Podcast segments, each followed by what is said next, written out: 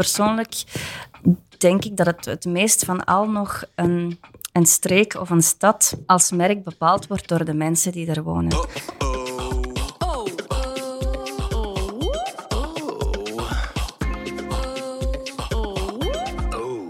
Welkom bij de podcast van Only Humans, waarin we op zoek gaan naar sterke mensen achter merken en hun unieke verhalen. Vandaag doen we dat met Elke Dens. Zij is marketingdirector bij Toerisme Vlaanderen en werd in 2019 verkozen tot marketeer van het jaar.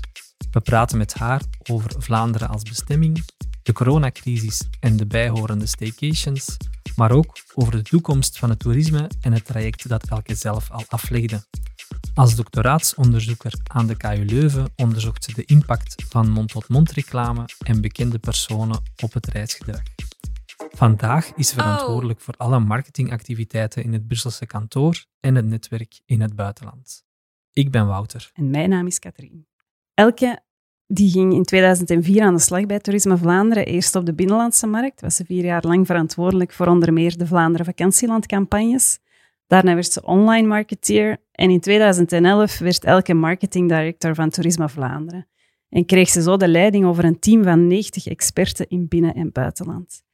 En samen met dat team versterken ze de reputatie van Vlaanderen en promoten ze Vlaanderen als vakantiebestemming, voornamelijk in het buitenland. Daarnaast zorgt de gast van vandaag er als voorzitter van de marketinggroep van de European Travel Commission voor dat alle nationale marketing directors één marketingstrategie op poten zetten en uitvoeren om Europa als bestemming in de kijker te zetten. Elke heeft dus heel wat te doen en dan, daarom zijn we ook heel blij dat ze vandaag toch nog de tijd vond om uh, een babbeltje te komen doen met ons. En daarnaast ben ik persoonlijk ook super blij om Elke te zien, uh, want wij hebben nog samengewerkt bij Toerisme Vlaanderen. Uh, ik heb Elke 16 jaar geleden aangeworven toen ik zelf verantwoordelijk was voor de binnenlandse markt daar. En ja, we hebben ongelooflijk leuke jaren samen gehad. En ondertussen heb jij een ongelooflijk parcours ook afgelegd en ben ik eigenlijk heel benieuwd om daar meer over te weten te komen. Welkom Elke in onze podcast. Um, ja, je bent als marketingdirector met heel wat dingen tegelijk bezig, hè, kan ik mij uh, voorstellen. Met welke projecten uh, ben je vandaag heel actief, jij en je team? Uh, waar zijn jullie voornamelijk op dit moment op aan het focussen? Wel, eerst en vooral uh, hartelijk dank, Wouter, voor de uitnodiging. En uh, ook Katrien. Het is inderdaad heel fijn om elkaar nog eens te zien. En ook dank je wel, want zonder jou had ik natuurlijk hier nooit gezeten, denk ik dan. Uh, zoveel jaar geleden kunnen beginnen bij Toerisme Vlaanderen. Dat is misschien ook een, ineens een antwoord op de eerste vraag, Wouter, want toerisme is zo veelzijdig en ik heb zoveel dingen geleerd, gaande van de koers uh, tot kunst, cultuur, uh, maar ook heel veel geschiedenis geleerd. Dus er zijn zoveel aspecten die erbij komen kijken um, en ik ben dankbaar dat ik dat kunnen doen heb en, en vandaag nog steeds. Dus als je vraagt met welke projecten ben je vandaag nu bezig, wel uh, heel veel, maar er is natuurlijk ook mijn persoonlijke interesse en, en mijn passie voor bepaalde dingen. En ik, uh, ik ben eigenlijk echt wel gepassioneerd door het surrealisme van België, laat ons zeggen. Um, en vandaag doen we daar rond ook leuke dingen met uh, onder andere Ensor uit Oostende. Mm -hmm. um, en dus één concreet uh, verhaal dat we momenteel aan het schrijven zijn, is uh, een kunstwerk van Ensor, de baden van Oostende, waar eigenlijk heel veel mensen samenkomen op het strand zo'n 100 jaar geleden. Althans in zijn visie, want dat is hoe hij de werkelijkheid zag. Dat hebben we nagemaakt met een fotograaf, een hedendaagse fotograaf, Atos Buré. En die geeft nu zijn visie op het massatoerisme aan de kust vandaag. En dat was enorm prettig om te doen. Het was uh, vorig weekend, of nee, twee weekends geleden, toen het heel mooi weer nog was. Een prachtige nazomer, uh, die we echt wel konden gebruiken. Door de coronacrisis is elk mooi zonnetje nog wel heel erg welkom vandaag.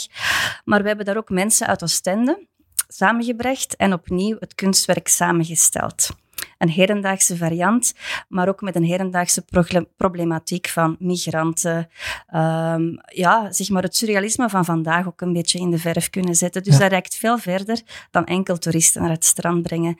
En dat is wat dat mij persoonlijk heel erg blijft boeien in deze job. Oké, okay. en uh, wat ga je met het uh, kunstwerk doen? Of wat, hoe gaan uh, de, de grote groep mensen die het willen zien, het kunnen zien? Wel, uh, een hele goede vraag. We gaan twee dingen doen. We gaan het kunstwerk uh, hangen naast het origineel, um, of althans een schets van het een, een ets van het origineel. Um, dus dat zal te, te, te, komen hangen in het Ensorhuis in Oostende, pas vernieuwd. Het huis waar hij echt gewoond heeft, hebben we uitgebreid, vergroot en kan nu ook bezocht worden op een heel ja, goede manier, zoals we het graag hebben, dat mensen de geschiedenis kunnen bezoeken of kunnen leren uit de geschiedenis. Um, dus het komt daar eigenlijk, het krijgt daar echt een vaste plaats. Anderzijds zal het ook, als het originele werk, de Baden van de Stende, zal reizen, zal het ook altijd meereizen, omdat we niet willen blijven hangen in de geschiedenis, maar omdat we dat hedendaagse beeld ook willen meegeven. Mhm. Dus bijvoorbeeld, uh, zo hopen wij volgend jaar uh, in november in de Getty te hangen, in de Getty in L.A., waar Ensor best veel beter bekend is als bij de gemiddelde Belg hier. Um, en zo hopen we dan ook die geschiedenis en het, het, het, hedendaagse verhaal van Vlaanderen te laten reizen. Dus dat is één kant, dat is één antwoord op je vraag. En een tweede uh, bedoeling die we daarmee hebben, is om een debat te openen over waar willen we met het toerisme vandaag naartoe? Of hoe moet 100 jaar later Oostende eruit zien? Mm -hmm. En wat moet er dan vandaag worden gedaan. En dat is iets wat we momenteel plannen met uh, Toerisme Oostende en ook het uh, Toerisme aan de Kust. Um, een, een, debat in het Ensorhuis, waarbij we samen met architecten, filosofen, sociologen gaan nadenken over uh, hoe we het willen hebben 100 jaar later. Oké. Um, in het begin, in de inleiding, hadden we het al over Vlaanderen als, als bestemming. de reputatie van Vlaanderen hoort daar dan wat bij als ik dat soort projecten hoor, uh, hoe is die reputatie van Vlaanderen als, als bestemming voor uh, buitenlandse toeristen of voor buitenlandse mensen die ons bezoeken? Ja, uh, reputatie, dat is, uh, dat is uh, iets, iets heel moeilijk en, en, en overwegend redelijk stabiel, denk ik. Mm -hmm. maar wordt helaas veel meer bepaald door de, ja, de politiek of de veiligheid in een land. Ja dan, dan door de toeristische boodschappen. En we zijn ons daar heel erg van bewust. We zijn daar ook heel kwetsbaar in. Dus zeker ook nu uh, zien we ook wel de effecten van, van wat er gebeurt als wij slecht scoren op het vlak van veiligheid. Ook al hebben we dat niet in de hand, bepaalt wel een stuk mee de beeldvorming. Ja. Uh, dus vandaag is dat een beetje een rollercoaster, denk ik. Uh, al, al mogen we dit ook niet dramatiseren. We volgen het echt van nabij op. En wij dachten bijvoorbeeld dat we in Europa bij de slechtste leerlingen zouden zijn, omdat dat ook is wat je hier leest in de pers. Uh, we hebben dat onderzocht, ik denk eind juni. En toen bleek dat we toch niet bij de drie slechtste waren. En dat er echt nog wel in de perceptie van de mensen in Europa en buiten Europa, dat sommige landen nog wel slechter scoren.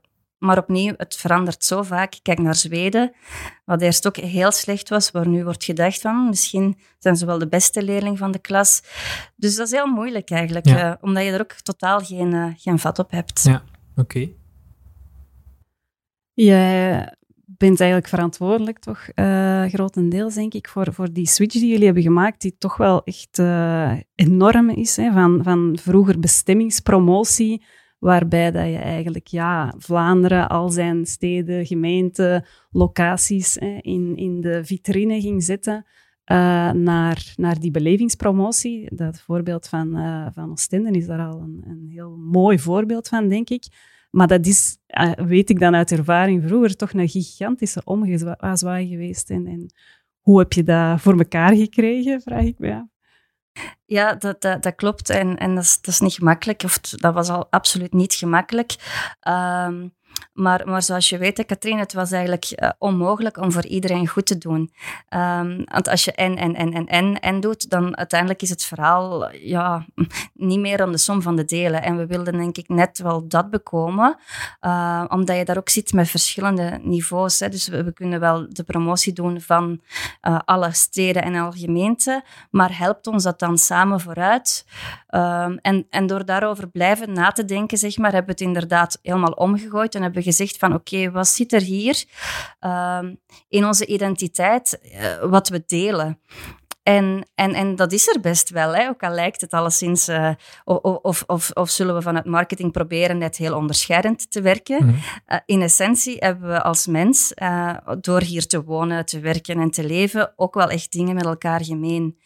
Um, en, en dat is eigenlijk hoe dat we daaraan begonnen zijn. met onder andere Fonds van Dijk hebben we gekeken van oké, okay, wat, wat kenmerkt ons nu wel allemaal samen? En dat is heel de oefening rond het... Merkverhaal Vlaanderen. We hebben daar kunnen op aantakken, wat ook misschien meteen sterk was, omdat het niet alleen vanuit toerisme was, maar ook vanuit investeringsbeleid, ook vanuit exportbeleid, waarbij we dat vakmanschap wilden illustreren. Uh, en um, ja, dat heeft gewerkt. En ik heb eigenlijk exact hetzelfde gedaan in Europa, waar dat je hetzelfde meemaakt. Alle landen denken dat ze zo mhm. verschillend zijn. En, en politici gaan ook graag in, net op het, hetgeen dat ons uh, verschillend maakt van elkaar. Terwijl als je zoekt naar, naar de cohesie, dat je soms veel verder raakt. En, en, en je weet ook hoe concurrentieel toerisme is. Mhm. En zeker internationaal. Dus, dus je moet dan gewoon uh, proberen samen te werken. En ik denk dat we daardoor wel die stapjes hebben kunnen zetten. Ook al was het niet gemakkelijk, want ja, en dat weten we allemaal heel goed. Elke burgemeester wil natuurlijk zelf ook wel eens in de schijnwerper staan. Ja. Ja, inderdaad. En, en ook effectief de, de city branding hè, merken we zelf ook. Elke stad, maar ook gemeente uh, wil zijn eigen identiteit ontwikkelen. Uh, en dan vraag ik mij ook af, want in het buitenland hebben jullie dat, lijkt me dan nog makkelijker om dat te implementeren. Binnenland is eigenlijk verantwoordelijkheid van de provincie, steden, gemeenten. Hebben zij dat verhaal ook meegenomen naar de binnenlandse promotie? Um, een, een goede vraag hè? en ook een, een, een, moeilijk punt nog steeds. Hè? Um, dus daar heb je, wat dat je zegt, hè, de onderlinge concurrentie. Want concurrentie op zich is altijd een klein beetje goed. Mm -hmm. um, en daar heb je nog altijd wel het samenwerkingsverband, Katrien, waar, waar dat wij lang aan gewerkt hebben. Vlaanderen Vakantieland bestaat nog steeds. En, en, en, en dat, is ook, dat blijft voornamelijk nog altijd wel een samenwerking die gebaseerd is op ja, economy of scale, zoals we dat dan noemen, of, of kosten ja, samenleggen om kosten te drukken. Um, en, en er wordt echt nog altijd wel samengewerkt rond, onder die vlag van Vlaanderen Vakantieland. Maar ook daar denk ik dat we nog wel een stapje verder zouden kunnen zetten in, in dichter naar elkaar groeien. Mm ja. ja. Zijn er dan voorbeelden dat je zegt van dat vind ik wel positief? Hè? Of, of dat zijn wel zaken waar dat zij dat uh, wat, wat, kunnen loslaten, hun stad of... Uh, en, en samenwerkingsverbanden zijn of samenwerkingsmogelijkheden zijn? Ja, zeker hoor. Er is echt ook wel een, een evolutie, maar zoals Katrien net zegt, het is gemakkelijker om dat uh, in het buitenland aan te tonen, omdat je daar ook wel het besef hebt dat je, dat je samen uh, sterker bent als je dat één verhaal uitdraagt. Ja. Um, en ik denk dat dat doorcijpelt. Hè. We hebben bijvoorbeeld met het programma Vlaamse Meesters ook wel gezien dat, uh, dat uh, ja, heel bewust, hè, Antwerpen had Rubens, uh, Brussel, daar hebben we Breugel naar voren geschoven en nu Van, van Eyck in Gent, die, die dat echt wel omarmen en zich daardoor ook inschrijven in een ruimer programma. Maar ik denk dat het altijd een combinatie is van, van de eigenheid van de stad die ze moeten terug herkennen en dat er dan wel een aansluiting kan zijn op een groter koepel of programma. Oké. Maak je dan van een, een streek of, of van een stad of van, van het samenwerken, maak je daar makkelijk een merk van? Op een of andere manier? Lukt dat dan uh, vlot en, en verschilt dat dan hard van dat moeten gaan promoten um, ten opzichte van een, een, product of dienst? Of, of, of, of zie ik dat niet juist? Ja, wel, Katrien heeft mij altijd geleerd, dat is zo een van de basisslides in onze presentaties, dat wij uh, ja, in toerisme eigenlijk iets heel ontastbaar uh, verkopen. Hè. Dus ja. je verkoopt eigenlijk een beetje een droom, uh, wat helemaal anders is dan dat je een product verkoopt. Hè. Bij een dienst zit je er al een beetje tussen. maar hoe langer, hoe meer zeggen we ook van, ja, dat is ook geen diensteneconomie meer, dat is een, een belevingseconomie, zoals ja. we net zeggen. En misschien moeten we zelfs nog een stapje verder gaan en, en pogen tot in, in dat trans, transformationele te geraken. Dus, dus het is zeker anders dan, dan gewoon een, een, een product of een, of, of een dienst verkopen. Uh, en aangezien hè, Only Humans staat voor de mensen, persoonlijk denk ik dat het het meest van al nog een, een streek of een stad als merk bepaald wordt door de mensen die er wonen. Ja. Um, dus ja, ja um, dat is misschien moeilijk om, om uit te leggen, maar het is, niet, het is echt niet zo dat je, um, dat, dat je dat echt in de hand kan nemen en, en, en, en zo zeg maar de typische brandbuilding oefeningen kan opdoen. Maar ik denk wel dat je samen met die mensen, net ook door te, te tonen, hè, het, is, het is vooral in wat dat je doet als stad of merk, dat je die geloofwaardigheid creëert. Ja, en dat vakmanschap waar je over sprak, hè, waar dat jullie heel hard op inzetten, past daar eigenlijk ook in. Hè? Want je hebt uh, gezegd van ja, die rode draad, maar dat is ook wel heel mensgerelateerd, hè? vakmanschap heel vaak. Hè? Ja. Kan je dat misschien eens wat tastbaar maken? Op, op welke dingen voor mensen die het niet kennen, zet je dan in het buitenland in op het vakmanschap van Vlaanderen of op bepaalde niches? Of, of hoe ga je daarin te werk? Ja, dus je hebt, je hebt helemaal gelijk. Eh, het vakmanschap, wat we daarin centraal stellen, is ook de mens als maker. Uh, dus het gaat niet over het vak of het product dat hij maakt, maar het gaat over zijn passie, zijn gedrevenheid, zijn streven naar kwaliteit. En dat is echt iets wat, dat, uh, wat typisch is voor ons. En we zijn ons daar niet altijd bewust van, maar je ziet het bijvoorbeeld heel eenvoudig bij, bij, bij bierbrouwers. Hè. vandaag, ja, zeg maar grote uitdagingen, want de microbreweries die ja, die poppen overal in de wereld uh, op. En toch hebben wij de traditie. We moeten opnieuw zorgen dat dat niet blijft hangen in de traditie. Dus we moeten met onze heel gepassioneerde um, brouwers, zeg maar, uh, proberen om te blijven um, onszelf als maker heruit te vinden mm -hmm. en, en, en dat vooral ook te vertellen. Dus dat is wat we proberen te doen, bijvoorbeeld op het vlak van bier. Uh, een ander voorbeeld, uh, het zijn misschien de clichés, clichés, maar dat is ook wel nuttig, denk ik, om, om de clichés daarin op te tillen. Dus bijvoorbeeld uh, de, de, de typische cliché van chocolade en, en, België, dat is daar. Maar wat dat wij dan doen, is het verhaal vertellen dat we niet zozeer gekend zijn omwille van de chocolade, maar wel om wat dat we kunnen doen met chocolade. En we maken dan kunst van chocolade. Dus we gaan niet nooit op kunnen wellicht tegen de Zwitsers en hun chocolade repen, zeg maar. Maar we kunnen zeker wel met onze pralines, wat altijd eigenlijk een, een stukje vakmanschap is, uh, indrukwekkende um, ja, chocoladedingen maken. Hè. ik geef altijd het voorbeeld van Dominique Persone, die, die de chocolate shooter maakte voor U2. Uh, ja, dat zijn zo van die uitvindingen die je bij ons mag verwachten. En uh, opnieuw het bruggetje naar export, invest en dergelijke meer. Die makers zijn er ook als het gaat over uh, ja, de maakbare industrie. Uh, in, op vlak van mode bijvoorbeeld staan we met Antwerpen voor een jaar van Fashion in Transition. Ook daar denk ik circulaire economie, recyclage, daar zijn we top in de wereld in. en dat heeft ook een stuk te maken met, denk ik, die, die gedrevenheid om misschien toch nog net iets beter te willen presteren of nog iets meer kwaliteit op te leveren, omdat we er zelf in geloven dat we dat wel kunnen. Ja. Er is het gezegde, uh, reizen om te leren, en dat klinkt allemaal heel leerrijk. En ja, mensen zeggen ook wel, door te reizen kan je jezelf ontplooien. Maar op de manier waarop dat jullie werken, is dat dan ook effectief? Zo kan je echt bij mensen ja, een, een ontwikkeling meemaken van nadat ze naar Vlaanderen zijn geweest, dat ze echt iets hebben, zich hebben ontplooid. Hebben jullie daar vat op? Ja, wel, dat, dat is de evolutie. Hè? Dus dat, dat is best wel het, het spannende, dat is het transformationele, wat dat we bedoelen dan. En daar hebben we geen vat op, maar we kunnen wel de, zeg maar, de condities creëren of, of, of iets faciliteren dat de kans verhoogt op, op zo'n impactvolle ja, beleving, een ontplooiing, iets, iets bijleren. En we hebben dat zelf gezien dat we dat kunnen dankzij het project Wereldoorlog 1 dus daar heb je echt, ja, enfin, het, is, het is een gemakkelijk voorbeeld misschien, um, maar alleen al die omgeving maakt dat mensen echt wel stilstaan en, en zich afvragen, wat, wat doe ik nu elke dag? Hè?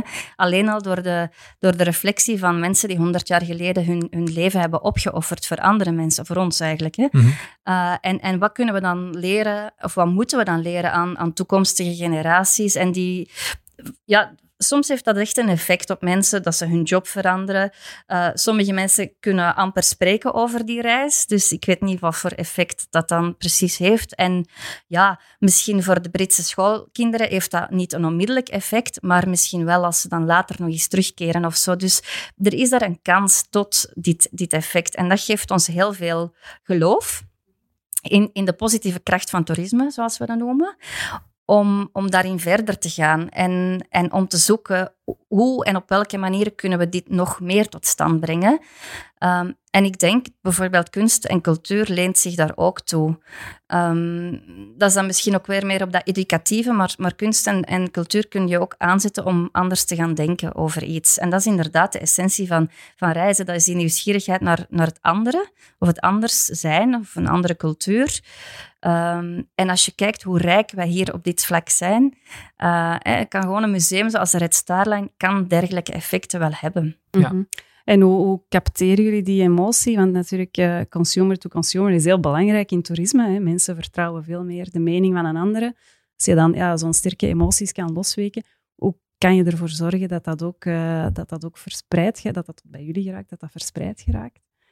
Ja, um, wel, we hebben, we hebben één onderzocht hè, van, van, van waar komt die emotie. En dan zien we dat die uh, op drie manieren tot stand kan komen in, in toerisme dan. Uh, het, het, het, het gebeurt dankzij contact met een local. Uh, dus opnieuw, de mensen die dat daar wonen in de streek moeten het merk een stuk mee kunnen uitdragen, om het dan zo te noemen. Maar zijn ook mee ambassadeurs, een eerste lijn. Um, en dan heb ik het niet over het toeristisch systeem, hè, want mm. dat is gemakkelijk. Heb je ook meer vat op. Een taxichauffeur, we gaan die opleidingen geven, we gaan die verhalen laten vertellen. Maar die bewoner, ja, die woont daar. Dus dat is nog veel sterker, want in het geval van Wereldoorlog 1, die heeft ja, de, zeg maar het kerkhof in zijn tuin liggen. Mm uh, dus als die dan vertelt, is dat eens zo sterk. Dus, dus we proberen wel de linken te leggen door ook zelf heel veel te vertellen als organisatie of als merk wat we doen en waarom we het doen en, en waar dat de Cana Allee, waarom dat we Canadezen aantrekken. Um, bijvoorbeeld. En um, dus, dus die connectie met de local is, is bijzonder belangrijk voor de toerist om die ervaring te beleven. Is omgekeerd ook heel belangrijk, maar dat is dan voor andere doeleinden. Um, dan heb je de, de een, tweede oorzaak die kan leiden tot zo'n emotie, en dat is de ontmoeting met de plek zelf. Dus als wij goed zorg dragen voor onze plaats en we zorgen dat die ja, goed onderhouden is in de, eerste, in, in de eerste plaats misschien, maar ook dat die aanzet tot nadenken of de stilte, zeg maar, terug opzoeken. Daarom ook veel meer belang voor natuur dan ooit tevoren. Want vroeger zeiden we, ja, wij zijn geen natuurbestemming, totaal niet. Hè. Dan moeten ze maar naar, naar Wallonië gaan, bijvoorbeeld. Perfect. Eh. Maar als je daarover gaat nadenken, dan, dan, dan zouden we onszelf weer miskennen, want we hebben het wel. En we hebben onze eigen biodiversiteit. We, hebben, we moeten het gewoon tonen, ja, eerst zelf zien en dan ook tonen aan andere mensen, omdat dat ook die emoties kan opwekken. En het derde is een bijzondere activiteit. En dan ga ik als voorbeeld de koers nemen. Ik zou ook de, de, de beklimming van, van, van de, de, de Mont Blanc kunnen nemen, maar uh, we hebben zelf zo uh, kleine bergjes, zeg maar, uh, kasseistroken, die, die, die mensen absoluut en per se willen opgereden hebben in hun leven. Die trainen zes maanden op voorhand om scherp te staan, zeg maar, om dat ook te kunnen. Um, kopen de duurste fiets en, en betalen ook veel voor hun reis om dan met hun maten hier die competitie aan te gaan.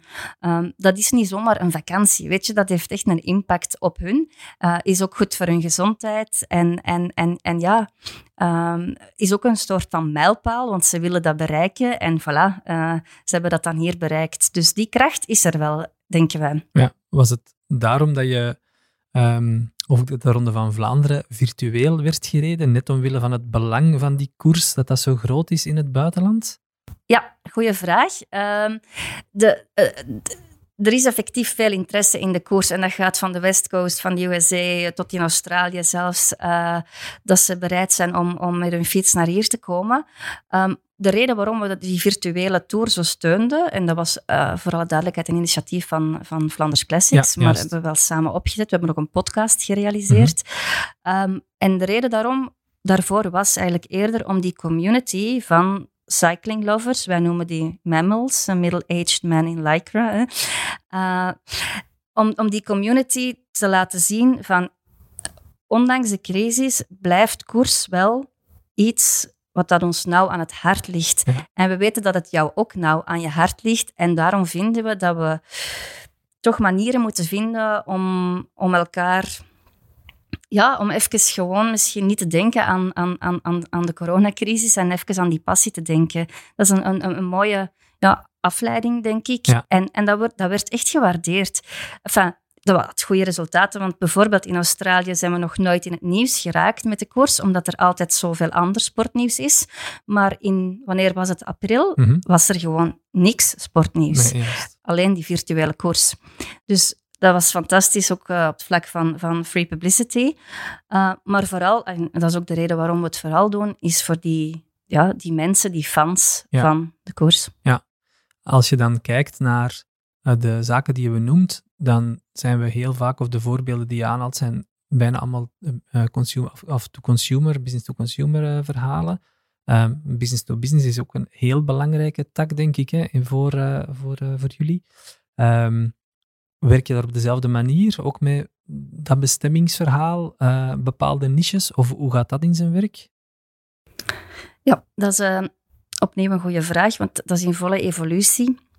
Dus vroeger had je effectief. Um, van de evolutie, denk ik, die zich afspeelt, is een evolutie van uh, B2B, B2C naar community. Mm -hmm. um, en in die community zien wij dat het niet zo in vakjes te stoppen is. Dus je hebt mensen die betrokken zijn in die community omdat ze hun brood ermee verdienen. En je hebt net zo goed mensen die, die, voor wie het puur een hobby is. Maar dus vaak zien wij dat uh, zeg maar degenen die reizen organiseren naar, hè, voor, voor de koers bijvoorbeeld, dat die zelf heel gepassioneerd zijn. En daarom als ondernemer starten daarmee. En dus die B2B vinden wij even goed onder die fans. En dat is, een, is een belangrijke evolutie, want dat is in feite een beetje weg van het ja, massatoerisme, om het zo te zeggen, waarbij je als tour operator een bestemming aanbiedt, naar het ja, community toerisme, meer men zegt vaak niche, maar als je dat bekijkt op een globale schaal, gaat dat best wel over grote aantallen. Dus wat is niche? Ja, niche in interesse zeker wel. Ja. Uh, maar onmiddellijk wordt heel die community wel zichtbaar. Dus je ziet waar dat de ondernemers zitten, waar dat de intermediairen zitten, de pers. Ik kan u vertellen, als er journalisten komen naar de koers, dan hebben wij moeite om hen uh, een interview te kunnen geven, want die willen dat altijd op de fiets doen. Snap je? Dus die zitten zelf zo doordrongen van, van, van, van het thema. En hetzelfde geldt voor cultuur, ook daar. Uh, en dat is voor onze mensen zo'n grote uitdaging, want die moeten echt wel ook veel kennis hebben. Want anders val je gewoon door de mand en ben je ook niet geloofwaardig. Ja, oké. Okay. Betekent dat dan dat eigenlijk uh, de tijd van die grote trade-beurzen, uh, waar je eigenlijk moest fysiek ook aanwezig zijn, dat is momenteel al weggevallen. Maar zit daar sowieso ook een shift aan in, dat je dat eigenlijk niet meer doet? Of hoe gaan jullie daarmee om? Ja, dat is, uh, absoluut. Uh, en ik denk dat ik dan nu wel mag zeggen dat we dat inderdaad achter ons hebben gelaten. Als ik even goed nadenk, uh, de World Travel Market in Londen, mm -hmm. ITB Berlijn, waar we vroeger elk jaar een stand hadden, hè, um, dat, dat gaan we niet meer doen. En nee. heeft corona daar ook mee te maken, of was dat al? Dat was eigenlijk al beslist, ja. ja. Maar opnieuw, dus ja... Um, ik denk, corona geeft ons iets meer tijd om, die, om iedereen daarin mee te krijgen. Um, omdat dat redelijk hard is, want zoals ik zei, het is in volle evolutie. Mm. En dat is altijd moeilijk om, om dan mensen allemaal mee te krijgen in dat nieuwe verhaal, mm. als dat nog niet allemaal heel duidelijk is. Nee. Ja, je had het over dan inderdaad kwaliteit hè, boven kwantiteit. Dus niet meer het massatoerisme, maar de juiste doelgroepen aantrekken. Um, hoe, hoe meet je het succes daarvan? Want natuurlijk in de pers horen we nog altijd kwantiteit. Hè. De bezettingsgraad aan de kust is gigantisch. Uh, we hebben dit jaar zoveel meer toeristen aangetrokken. Hoe meet je kwaliteit hm. en het succes? Ja, Um, klopt. En, en ik denk dat ook een belangrijke taak is om, om de pers daarin mee te krijgen. Want ja, uh, dat, is, dat, is, dat is vaak zo dat ze graag nog in, uh, in cijfers spreken en, en, en of ook in hokjes spreken. Um, maar het is dan aan ons om te tonen hoe het wel kan zijn. Um, en ook daar is het nog in evolutie. Um, ik denk dat we uh, wereldwijd sowieso met toerisme een van de snelst groeiende sectoren zijn. Dus het, is het aantal toeristen nam jaar na jaar uh, toe tot uh, een record in 2019. Dus even geteld zonder de crisis zou dat echt massaal blijven toenemen zijn. Um, en, en dat maakt dat we, dat we inderdaad onszelf gaan afrekenen eerder op tevredenheidsscores. Ja. Ehm, en ook op een soort van, van legacy-effect. Ook al hebben we dat nog niet helemaal in kaart, maar we willen wel die impact gerealiseerd hebben. Ook voor zakentoerisme bijvoorbeeld. We willen niet gewoon een congres aantrekken, we willen dat dat congres ook iets nalaat hier. Uh, is dat dan een stukje kennis of is dat dan ja, uh, wat dan ook, maar ergens een bijdrage levert aan die maatschappij. Um, dus we zijn aan die nieuwe meetindicatoren en we noemen dat dan van, van groei naar bloei. Hè. Dus wat maakt dat wij bloeien? Um, we gaan dat niet alleen vragen aan de toeristen, we gaan dat ook vragen aan de bewoners. Uh, we zijn daar al mee gestart. We hebben zo van die studies die de draagkracht meten. Dus hè, in hoeverre is er een, een draagvlak voor toerisme? En dat zat helemaal goed. We willen daar nog een stapje verder in gaan en, en horen van hoe word jij nu beter van de toeristen die naar hier komen? Ja. Um, en het derde is de ondernemers. Hè. Hoe krijgen we de ondernemers mee? Uh, hoe, hoe, laten we hen mee floreren van die wielerbezoekers uh, bijvoorbeeld? En ook daar is dat een hele ja, evolutie, zeg maar. Want we zijn ervan overtuigd dat, dat ook ondernemers daar baat bij hebben. Uh, en zich daar ook op kunnen afstemmen op die doelgroepen op die communities. Um, en dus we gaan dat op drie manieren meten en niet enkel naar de toerist kijken. We zien ook de toerist ook als een middel om uh, anderen hier en onze maatschappij te laten floreren. Ja, en als je dan bijvoorbeeld kijkt naar die tevredenheidsscores bij de bewoners, of, of uh, de meting die je doet bij de bewoners, hoe scoren we daar? Um, want er zijn een aantal heel populaire bestemmingen. Ja. Brugge kan ik mij voorstellen dat, een, dat misschien wel de populairste is. Uh, in de Westhoek zullen er ook heel veel zijn. Um, scoren we daar goed? Gaan wij gaan niet de kant op van uh, de Barcelona's en de, hm. de waar het uh, tot voor de crisis heel, uh, heel druk was? Um, ja, helemaal juist, denk ik. Brugge is de stad waar het meeste risico bestaat. Maar ook daar zagen we dat het uh, over het algemeen nog heel positief was. Uh, ze hebben natuurlijk heel veel ondernemers, ook bij hun bewoners, die het belang van het toerisme inzien. Uh, maar dat is goed, want, want dat, dat, dat, maakt ook het weefsel van Brugge. Um, en dus op dit moment zit het echt goed, dus we hebben geen probleem. Ja. En dat is, ook, dat is ook belangrijk om te weten dat we daarvoor zijn en dat we niet wachten tot als we dat probleem hebben. Nu, door corona, en, en dat is wel een, een hele bittere pil, zullen we dat probleem ook niet uh, zien de eerste vier jaar. Want uh, ze voorspellen dat het zo lang zal duren, vooraleer we terug op het niveau van 2019 zitten. Ah, okay. um, dus um, ja. En hoe kan je dan eigenlijk als toerist iets teruggeven aan Neem Brugge? Ja, wel als, als, als zakentoerist denken we dat je, dat je, dat je zeker uh, bijvoorbeeld langer zou kunnen blijven dan gewoon het congres, hè, wat we vroeger fly-in, fly-out noemden. En uh, als je daar dan toch bent uh, en, en je hebt dan toch ja, een vlucht genomen of weet ik veel wat, dan kan je maar net zo goed ook je weekend eraan koppelen en ook iets zien van de stad. eventueel ook mensen leren kennen hè, of, of een terrasje doen. Dus dat is bijvoorbeeld de, de verlenging van de verblijfsduur is een manier om meer te doen als zakentoerist. Als vrije tijdstoerist um, ja, proberen we ook wel echt te stimuleren om die lokale dingen te bezoeken. Uh, we hebben bijvoorbeeld één project um, bij um, de Geintjes in Brugge, wiens klooster misschien zou kunnen verdwijnen, tenzij ze het zouden open kunnen stellen voor bezoekers. Um, dus daar kan je als toerist, als je echt geïnteresseerd bent in, in wat er achter het klooster zich bevindt, en dat zijn voornamelijk uh, oude boeken, maar misschien zijn er wel zo mensen die dat daar interesse voor hebben en dankzij hen zou dan bijvoorbeeld het klooster kunnen blijven bestaan. En zouden die mensen er kunnen blijven wonen. Uh, dus zo kan je wel ook een positief effect hebben, denk ik. Ja. Past dat in het verhaal van meer duurzaam reizen? Dat zijn misschien maar kleine voorbeelden. Niet dat fly-in, fly-out meer, maar langer blijven, ook lokale initiatieven uh, steunen. Um, is dat een, zijn dat een aantal voorbeelden daarvan? Of, of zie je die trend meer en meer komen? Want alles wat duurzaamheid is en sustainability, ik hoorde je daarnet zeggen, Antwerpse mode en, en de circular economy, uh, ook een voorbeeld ervan. Um, zijn, dat, zijn dat zaken waar je op inzet of, of, of die je gewoon zegt van ja, dat is een, een logische evolutie die we in heel, uh, in heel de wereld of in heel Europa zien? Mm, dat is een moeilijke vraag. Veel, ik, veel ik, vragen in één vraag.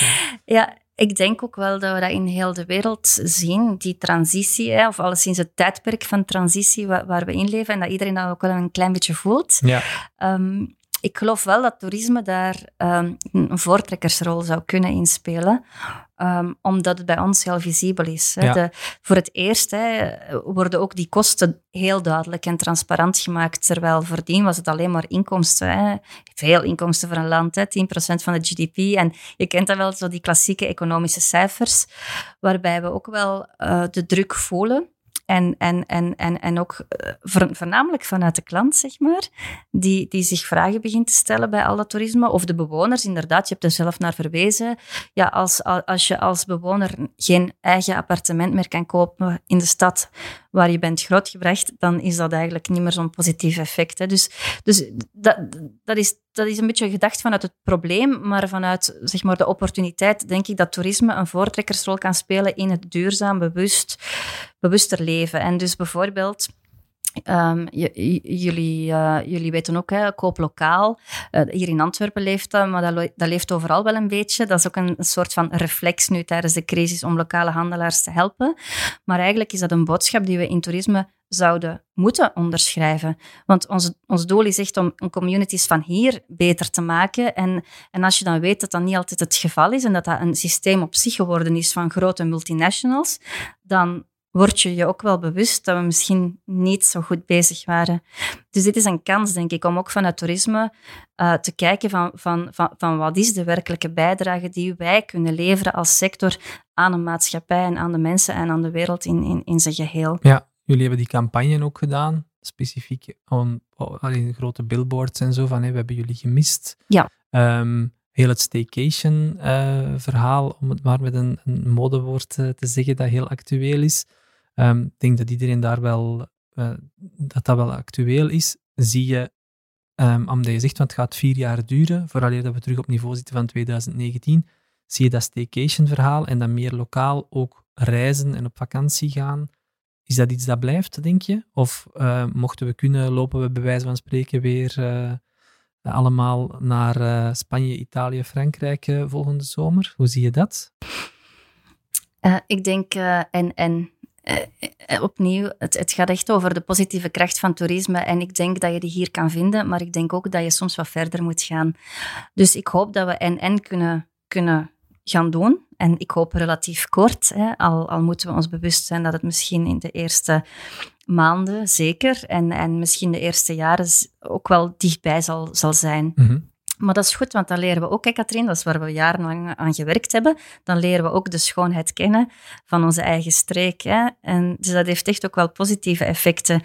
Um, maar daarnaast natuurlijk kan je niet ontkennen eh, wat het effect is van een andere cultuur te leren kennen op, op je leven. Dus ik denk als we het echt goed menen, dat we, dat we niet het een of het andere, dat het een een en-en verhaal moet zijn. Maar, sorry, zeg maar. Uh, waar dat we vroeger dan toch Vlaanderen positioneren als een bestemming voor een korte vakantie in het binnenland. Hè, realistisch zijnde van, oké, mensen willen wel een weekendje weg naar Vlaanderen. Uh, nu, in het kader van die staycations, is dat dan toch iets dat jullie zeggen, ja, hm, misschien zit er toch meer potentieel en moeten we daar toch ambitieuzer zijn naar het binnenland toe, ook naar de binnenlandse toerist? Ja, en ik denk echt dat we dat ook Hè? Dus uh, we, we, we, hebben eigenlijk wel plekken waar dat je langer kan blijven. Of neem nu Gent. Hè? Citytrip is, is klassiek in het buitenland, maar waarom zou je niet eens naar Gent gaan en je zal zien dat twee dagen ook te kort zijn, hè? omdat je zelf ook dat lamgods nog nooit hebt gezien. Hè? Uh, dus dus ik, ik geloof inderdaad dat, dat het een beetje aan de marketeers is om uh, het, het aanbod aan te passen. En ik denk dat we dat kunnen. En dan kan je dat ook echt gaan verrijken en kan je zorgen dat dat, dat, effect ook veel groter wordt.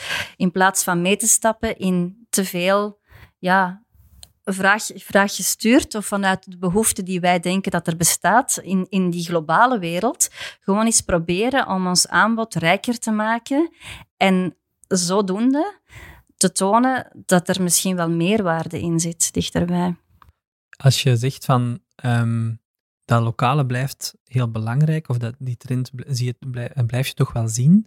Um, als je dan naar het buitenland kijkt, is er dan een aanpak of een strategie om bijvoorbeeld nog meer dan vroeger in te zetten op Nederland, noorden van Frankrijk, eh, UK, ik zal maar zeggen de buurlanden, omdat die net, ja, dat lokale is eigenlijk ook wel een stuk, ja, ik ga niet zo heel ver reizen vanuit Vlaanderen, of is daar niet echt een, een verschuiving in? Was dat sowieso al heel aanwezig?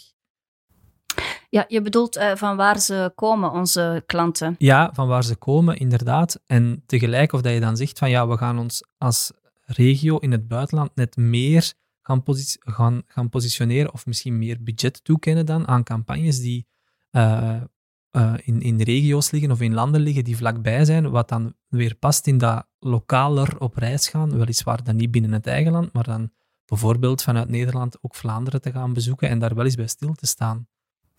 Ja, dat is, dat is een, goede vraag. En, en ik ben blij dat ik de kans krijg om ze hier te beantwoorden. En ik hoop dat er veel mensen luisteren.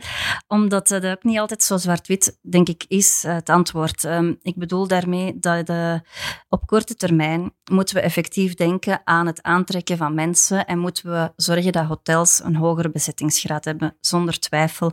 En dan moet je nadenken van waar kunnen de meeste mensen komen. En dan zit je in die nabije herkomstlanden, de volumemarkten, zoals wij ze noemen.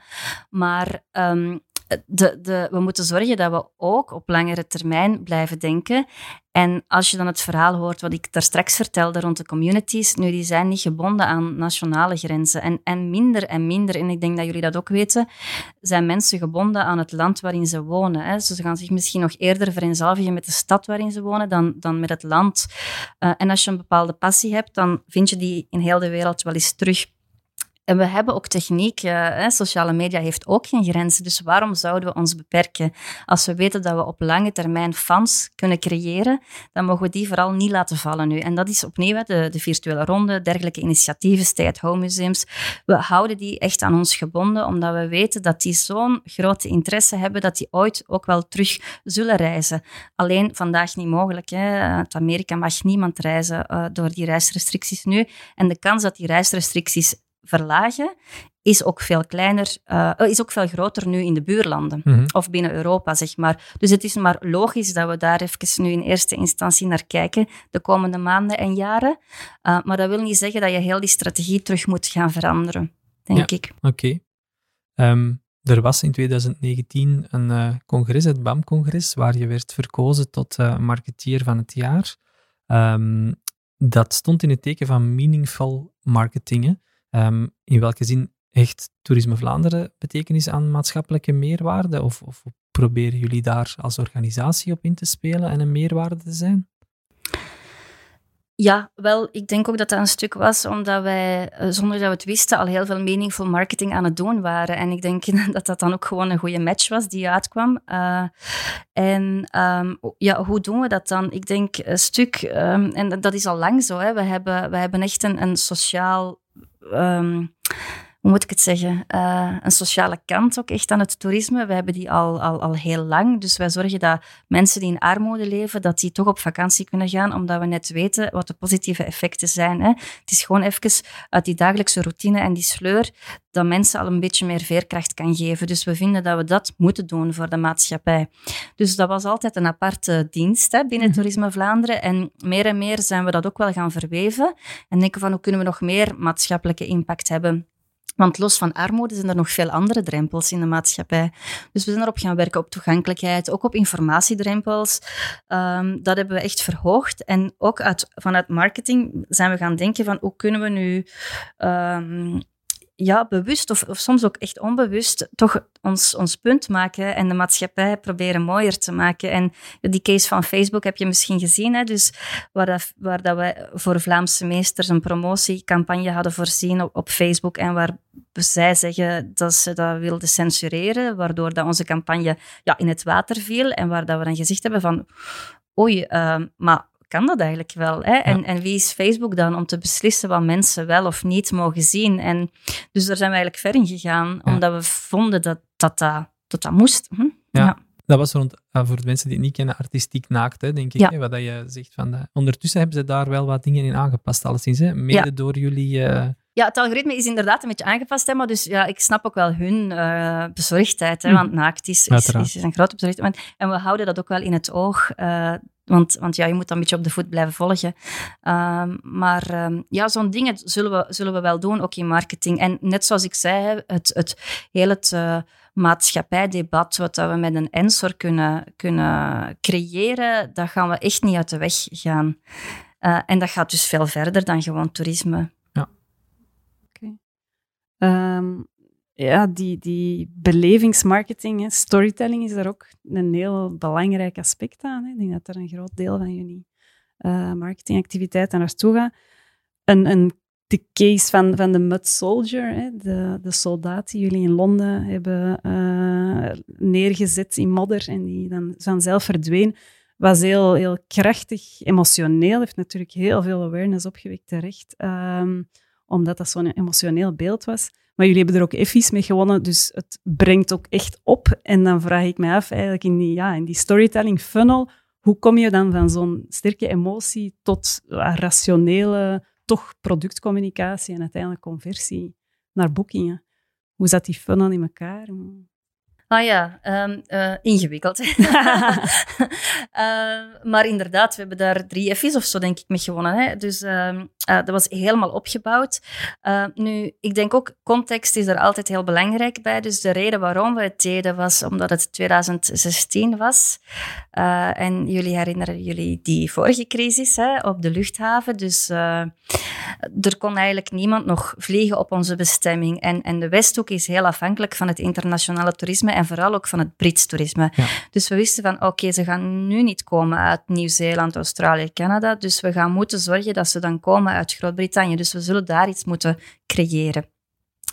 We hadden ook uh, in 2016 de slag van de Somme.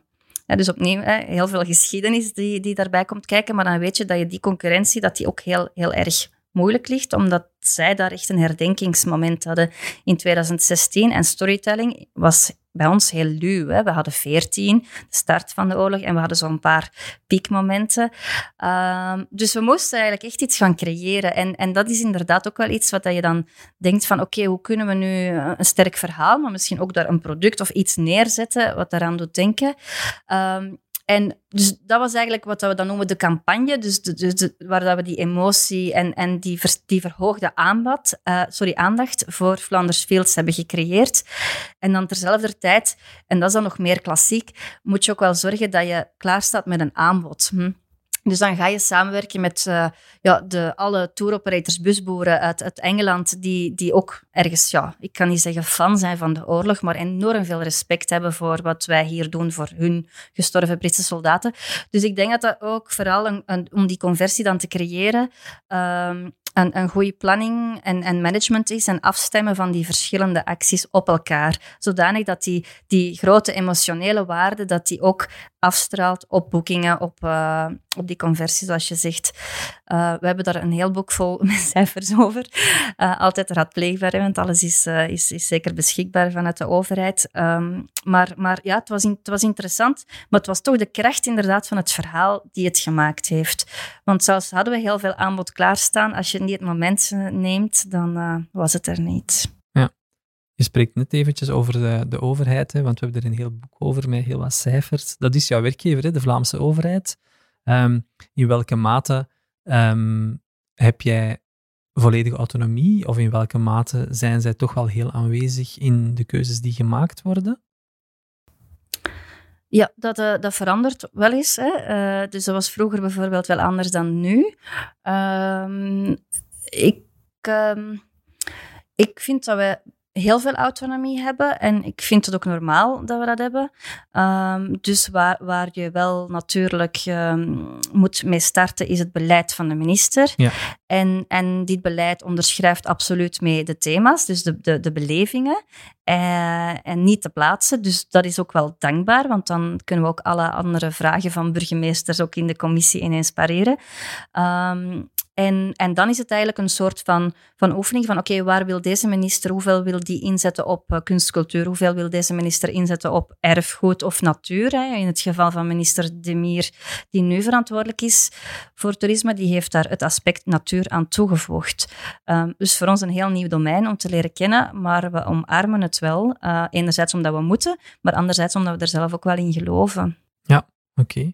Ehm, we hebben een aantal keer al over corona gesproken, maar je kan er vandaag eigenlijk echt niet omheen. Hè, dat, uh, um, hoe hebben jullie daar uh, op ingespeeld? Of hoe hebben jullie die, ja, het geweer een beetje van schouder uh, veranderd? We hadden het al over het ondersteunen van de Ronde van Vlaanderen, de virtuele Ronde van Vlaanderen, andere zaken in functie van dat community-verhaal dat je daarnet zei, dat je hebt toegepast of voorbeelden die je kan noemen?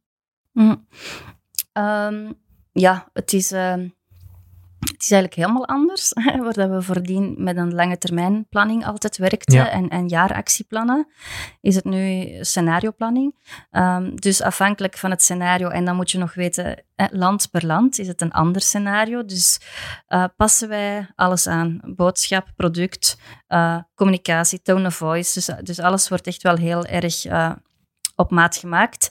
Omdat je, ja, je moet ook voorzichtig zijn. Wanneer kan je wel iets communiceren of wanneer niet? Of wanneer staan mensen er überhaupt voor open of niet?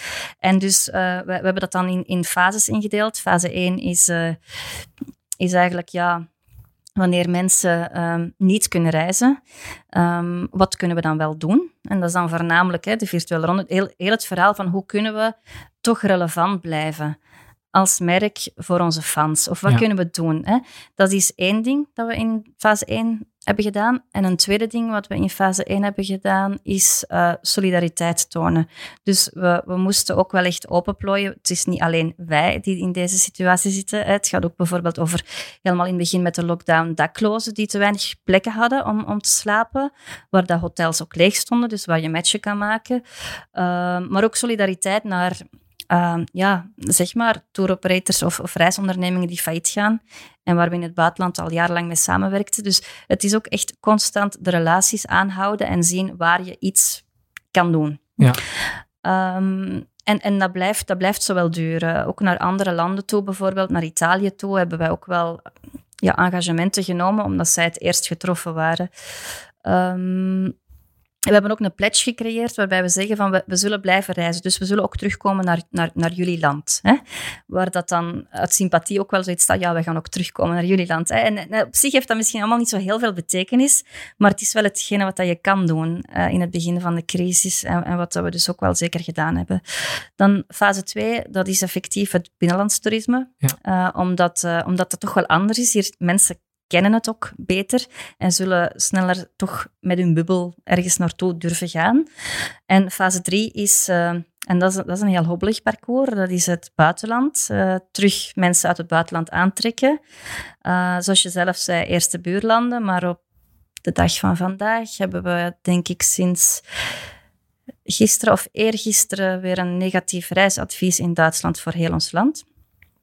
En uh, ook in Nederland uh, kleurt België oranje. Dus dan kan je gewoon niks doen. Hè. Dus wat dat we dan onmiddellijk uh, stilleggen is alle salesacties. kom naar Vlaanderen. Nee, zeggen we niet. Het heeft ook geen zin. Ja. Um, en ook budgetten en, en, planning constant aanpassen, dingen klaarmaken, on hold zetten, uitstellen.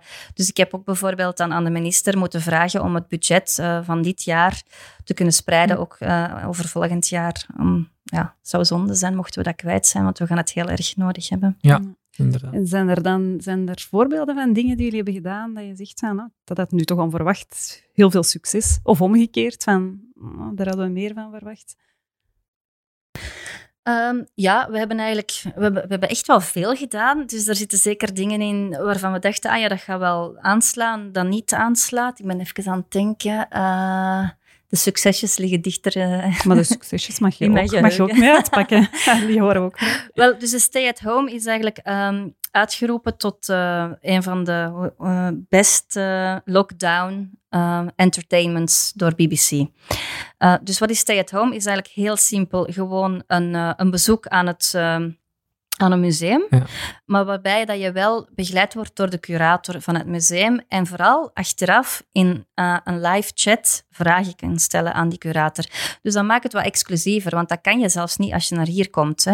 Je hebt dan niet de live ervaring, maar je hebt wel toegevoegde waarde op een ander niveau. En we kwamen op dat idee omdat we met de ja, Van Eyck tentoonstelling zaten in Gent en dan ineens in lockdown ging. Dus eigenlijk, ja, enkele mensen hadden die gezien en dat vonden we niet oké en die werken hingen daar. Um, en we wisten dat die drie maanden nadien moesten terugreizen naar hun, hun oorspronkelijke bestemming. Dus we hebben dan toch echt op een professionele manier, zoals jullie hier nu de studio inrichten, hebben we ook dat museum ingericht. En uh, alleen al door de kwaliteit, maar ook die interactie en die extra toegevoegde waarde, werd dat enorm geapprecieerd. We hebben dan een sessie van zes gemaakt, denk ik, zes musea. En op dit moment neemt VRT dat over om dat eigenlijk uh, ja, voor nog museums uh, ja. op te zetten. Zijn dat blijvende dingen, denk je? Ja, dat denk ik wel. Ja. ja. Ja, want ik denk ook dat dat heel erg complementair is. Ik denk ook dat dat kan aanzetten om het in werkelijkheid te gaan bezoeken. Ja, het is een beetje zoals een voetbalmatch op tv zien, waardoor er meer supporters in het stadion komen uiteindelijk. Ja. Oké.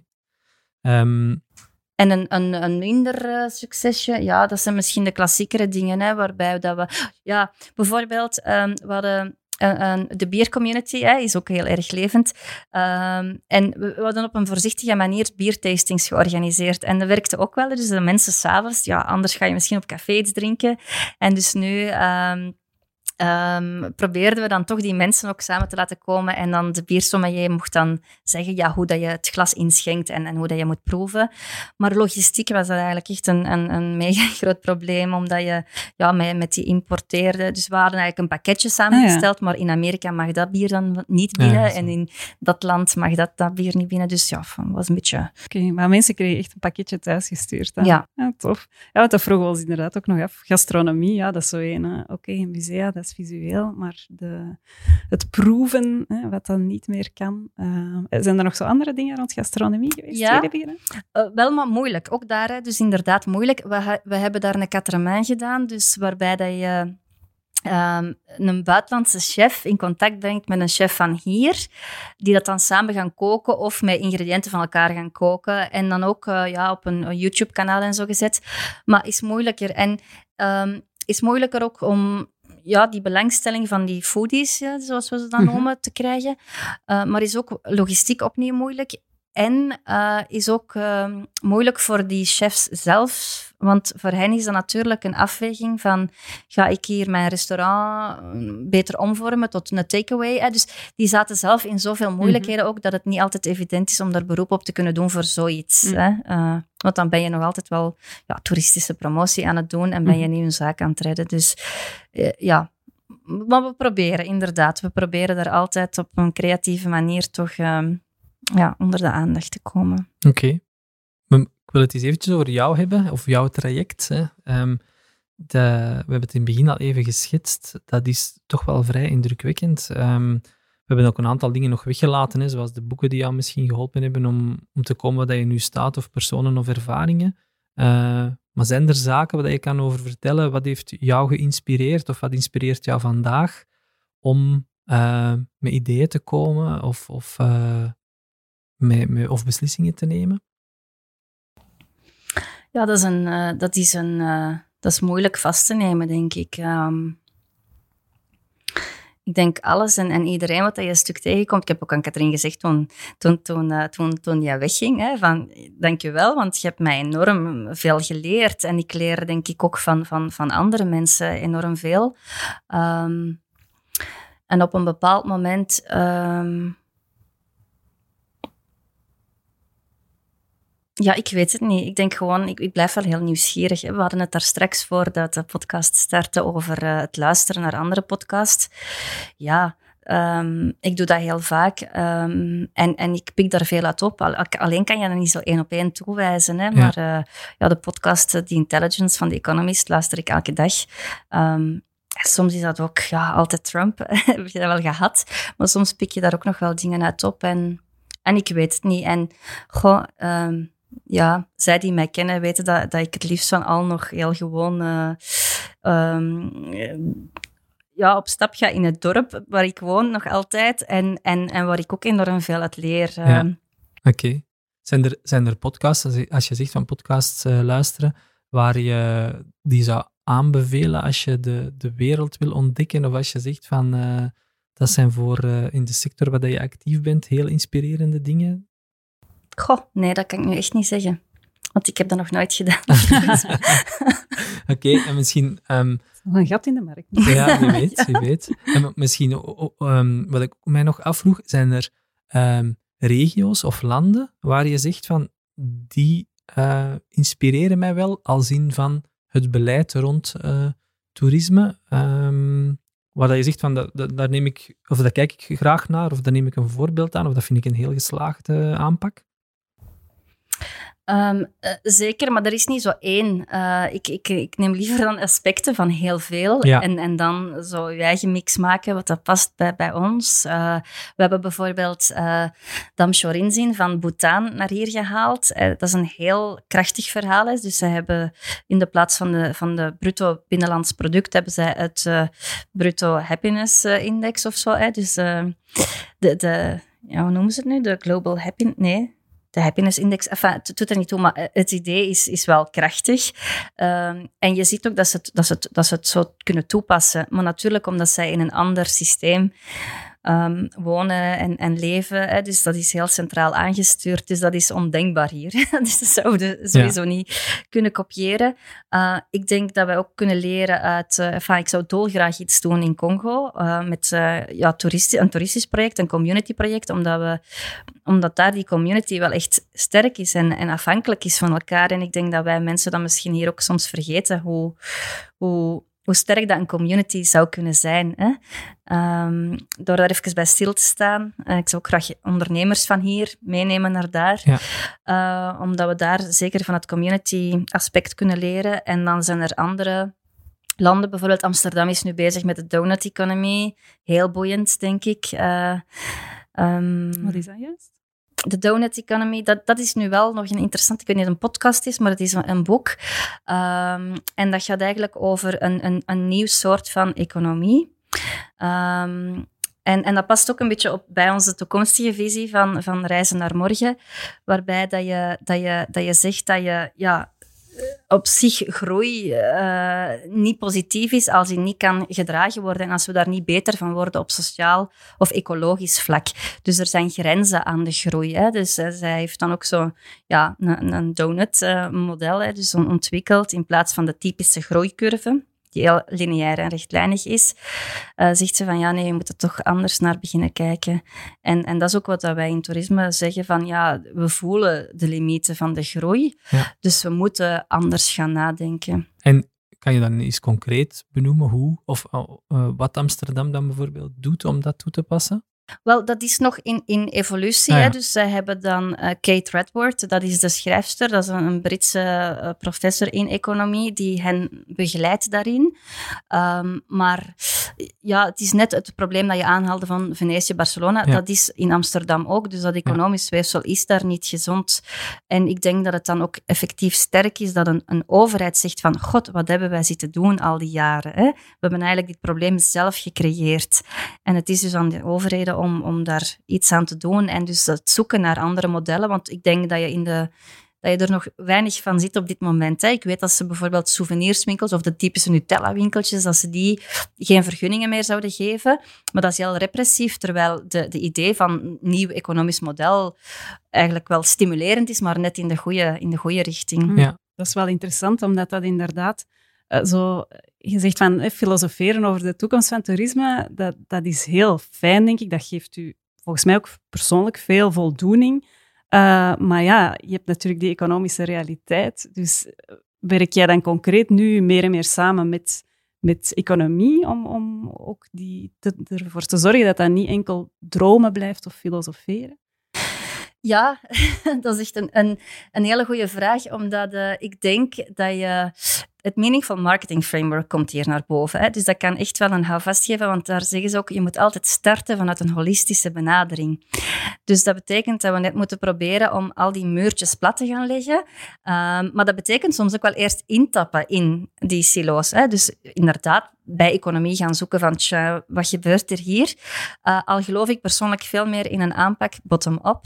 Um, Um, ja, ik zal misschien straks vertellen waarom, maar uh, ik denk echt door te praten met ondernemers en door ondernemers zelf ook te laten inzien. En sommigen gaan daarin mee en sommigen ja, die, die hebben daar nog geen besef over of hebben er nog nooit over nagedacht. En, en anderen gaan misschien nooit meegaan. Maar er zijn er echt wel bij die, die, die zeg maar de eerste stappen zullen zetten in die nieuwe richting. Um, ik geloof ook dat, dat je dat als ondernemer, en we noemen dat dan maatschappelijk verantwoord ondernemen, mhm. of welk, welk label dan ook, dat je met de ondernemers eigenlijk van daaruit veel drukking kan gaan geven. Of met de klanten, die ook drukking geven aan die transitie. Um, dus dus ik, ik geloof ook niet dat het, dat het, dat het uh, de overheid is, hè, of wij, die dit kunnen leiden. Ik denk dat dat een gedeeld leiderschap moet zijn. En, en, en, en dat die dat die kracht alleen maar groeit door het meer en meer te gaan vertellen. En daarom ook, denk je wel, dat ik dat hier mag doen. Uh, en, en we proberen dat ook te doen. Hè. We proberen ook veel meer dan vroeger uh, naar buiten te treden um, en, en, en, en met mensen te praten. Mm. En zijn er zo voorbeelden van ondernemers in toerisme waar je zegt van ja, dat is echt schitterend uh, hoe zij zichzelf herdenken in functie van die toekomst van toerisme? Ja, uh, wel, dus bijvoorbeeld hè, waar, waar ik zei dat je vroeger ondernemers had die echt voor mensen in armoede een plaats reserveerden en wij wij labelden die dan zelfs, hè, of het sociaal toerisme. Het kwam voornamelijk vanuit de verzaalde toeristische uh, aanbiedingen. Um, daar zie je echt die evolutie, want het commercieel logies zegt van ja, maar wij kunnen dat even goed aanbieden. Dus op, op de dag van vandaag hebben we wel 2400 toeristische aanbieders in Vlaanderen die voor mensen in armoede een speciaal tarief hanteren. En dat is een combinatie geworden van die sociaal geëngageerden en het commercieel logies. En je ziet dan dat die sociaal geëngageerden dat die meer commercieel worden. Want ja, een, een, organisatie als Fayamundo aan de kust, dat is een prachtig aanbod. En ik ga er zelf ook vaak naartoe, maar dat is gegroeid vanuit die zaal. Um, die gaan commerciëlere tarieven hanteren. En de andere ondernemers, de commerciële ondernemers, die gaan ook veel meer sociaal voelend worden. Um, en door die net vaak samen te brengen, gaan die elkaar ook beïnvloeden. Uh, ja, ik zou nog andere voorbeelden kunnen geven ook, uh, maar uh, dat is een beetje de dynamiek. Hè. Ik denk dat het ook vooral een kwestie is van hoe krijg je zoiets in gang. Uh, en dus mensen samenbrengen. We hebben ook nu net een boek gepubliceerd, Reizen naar Morgen, waarin dat we heel veel mensen laten spreken uit de andere domeinen. Uh, dus we vragen gewoon, zie, wat, zie jij een kans voor toerisme om te vernieuwen? En dan kijkt iedereen met zijn eigen blik er naartoe. Bijvoorbeeld de, de uh, Leo van den Broek, toen architect, hoe heet dat nu weer? Architect, bouwmeester, sorry, bouwmeester van Vlaanderen. die die zei ook van ja, we moeten echt gaan denken in termen van delen van plaatsen. Um, en, en dus een toerist of een, eh, je kan dat ook noemen een, een, tijdelijke local. Hoe kan die tijdelijke local mee de ruimte van ons op een heel respectvolle manier innemen? Zonder dat die een last wordt uh, en hopelijk ook wel nog een lust, hè, door, uh, dat je hem leert kennen. Um, dus we moeten echt gaan, gaan, gaan anders nadenken over hoe dat wij wonen en publieke ruimtes, hoe dat we die indelen. En andere mensen die denken dan weer vanuit hun invalshoek helemaal anders. Hè. En Dirk de Wachter bijvoorbeeld zegt van ja, um, mensen moeten echt die kracht van de eigen plek herontdekken en gaan daardoor ook meer veerkracht uh, leren kennen. Dus we doen dat heel bewust, toerisme uit de bubbel trekken en, en, en daar holistischer naar kijken. Mm. Ja, oké. Okay. Um, ehm, we hebben, want ik had het daarnet even over, over jouw traject. Hè. Je bent als marketeer, ja, bent dan market, uh, marketeer van het jaar geworden. Dat is denk ik toch wel een heel mooi, heel mooi iets wat je bereikt hebt. Um, heb jij dan een soort volgende doel al? Of heb je zoiets van, ik zie wel wat er op mijn pad komt, um, voor jezelf uitgestippeld? Ja, meestal overkomt mij dat ook. Ja. um, dus ik ben niet zo, ik denk niet zo in doelen. Um, al moet ik wel zeggen dat die, dat die passie voor toerisme dat dan uh, niet weggaat of, of, of, afzwakt. Dus ik zou dat zeker willen blijven doen. Um, en, en, en ook zeker dat internationale, om, omdat dat mijn persoonlijk leven wel verrijkt heeft. En als je dan vraagt van waar haal jij je, je, stof, ik denk ook dat dat inderdaad komt door te reizen en door met mensen uit andere landen te kunnen spreken. Dus dat wil ik zeker blijven doen. En al de rest, zien we dan wel. Ja. En heb je een tip voor een startende marketeer? Want jij zit er al een hele lange tijd in. Um, ja, hier werken heel wat marketeers. Uh, veel van onze klanten zijn dat ook. Um, zoals zou je hen aanbevelen als je vandaag als marketeer uh, in uh, de wereld stapt? Ah ja, ik zou hen uh, op een, op een niet bedreigende manier toch heel veel verantwoordelijkheid willen geven. Ehm, ik denk ook dat dat nodig is, dat marketeers die verantwoordelijkheid nemen. Ik denk ook dat dat een, een, een, kans is om te bewijzen dat marketing veel meer is dan hoe het vandaag vaak gepercipieerd wordt. Hè, als uh, ja, promotie of communicatie of uh, ja, salesbevorderend. Ik denk dat je, dat je als marketeer echt wel um, de verantwoordelijkheid hebt om aan te tonen aan uw organisatie waarvoor je werkt, wat dat er leeft in de buitenwereld, zowel bij uw klanten, maar ook in de wereld in het algemeen. En dat je dan die organisatie moet uitdagen en zeggen van hoe kunnen wij nu die toegevoegde waarde creëren, zodanig dat die mensen zich aan ons gaan verbinden. Mhm. Dus ik denk dat je het echt terug op het heel hoge strategische niveau, en dat is echt niet ingewikkeld, hè? het is zo simpel als dat, maar dan pas kan je je job als marketeer goed doen, denk ik. Als je dat vast hebt, als je weet waarom dat die organisatie bestaat en wat voor waarde dat die levert. En dan kan je je job en dan kan je gaan floreren in de job en dan heb je ook echt klanten die, die, die je niet direct in de steek gaan laten, omdat ze er ook in geloven in wat dat je doet en de waarde die je oplevert. Ja. Ja, je bent uh, naast marketeer ook leidinggevend hè, van een team van 90 man, uh, wat, waar wij nog veel uit kunnen leren van jou, denk ik, omdat we, we zijn nu met de coronacrisis allemaal gedwongen om hè, thuis te werken en op afstand te connecteren. En dat connecteren is heel belangrijk. Maar voor jou is dat natuurlijk de normaalste zaak van de wereld dat je virtueel moet connecteren met je team. Zeker die ver weg zitten, die je misschien maar één of een paar keer op het jaar ziet. Hoe doe je dat? Kan je ons je, je geheimen daarvan delen? Van hoe, kon je, hoe connecteer je met die mensen? Ja, dat is heel simpel. Hè? Teams zeker? Microsoft Teams? Nee. Ehm, nee, het is moeilijk. Ik bedoel, ehm, we, doen ons best um, om, om elkaar zoveel mogelijk te zien, maar het is nu gewoon onmogelijk. En ik heb daar echt wel, wat heb ik gedaan in het verleden, echt tijd gemaakt om regelmatig daar naartoe te reizen. Um, omdat ik, ja, ik vind het zo belangrijk om persoonlijk met iemand te kunnen praten en elkaar in de ogen te kunnen kijken, omdat dat echt ook nodig is. Want op afstand, ja. Uh, heb je ook altijd een eigen interpretatie van, van die werkelijkheid. Dus ik, ik vond dat heel belangrijk. Ik heb ook de, de afgelopen jaren dat heel veel gedaan. Um, en nu kan dat niet. En we staan voor grote uitdagingen opnieuw. Al die evoluties waar, ik vertel, dat heeft ook een impact op onze organisatie. We staan voor een, een, een, een reorganisatie uh, intern ook. En dat is bijzonder moeilijk. Want uh, dat op, op uh, op uh, fysieke afstand te doen, dat is echt een hele grote uitdaging. En ik ben alleen maar dankbaar dat die mensen eigenlijk altijd zo ja, meegaand zijn en, en, en um, ja, dat ook kunnen volhouden. Want mm -hmm. ik vind dat persoonlijk, ik blijf het heel moeilijk vinden. Um, ja, allemaal super boeiende, boeiende dingen. Ik denk dat we nog makkelijk uh, heel lang uh, verder kunnen praten. Misschien moeten we jou binnen een aantal maanden nog eens terug uitnodigen om uh, te zien van hoe ver, we dan, uh, hoe ver we dan staan en welke trends uh, zich allemaal hebben doorgezet. Um, de slotvraag die we elke keer stellen aan elke gast, um, dat is wat of wie heeft jou onlangs geraakt of blijft je bij? Dat kan iets privé zijn, dat kan iets professioneel zijn uiteraard. Um, is er zoiets wat jou nog onlangs geraakt heeft of dat je bijblijft? Ja, misschien iets uh, recent. Ik denk uh, een week geleden ongeveer. Dat uh, Sir David Attenborough op Instagram een filmpje maakte. Waarbij dat je zag dat hij ook een beetje ja, onwennig aan het medium was. Maar vooral de reden waarom hij het deed. Hè, om, om de jeugd en, en mensen die we vandaag alleen nog maar via Instagram kunnen bereiken.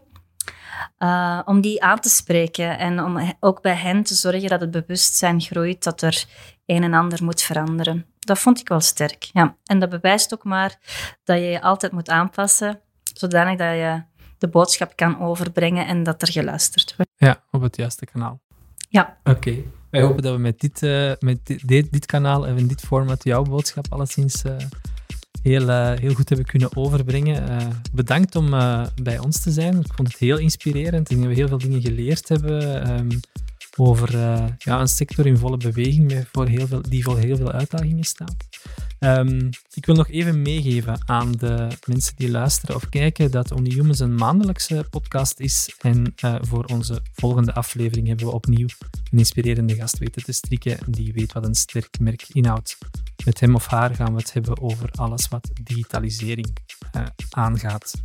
Wil je op de hoogte blijven? Abonneer je dan via je favoriete podcast-app. Mocht je het nog niet gedaan hebben, beluister dan zeker de vorige afleveringen. Vergeet ons ook niet te reviewen en te, te raten. Zo vinden andere luisteraars makkelijk de weg naar onze podcast. Tot de volgende.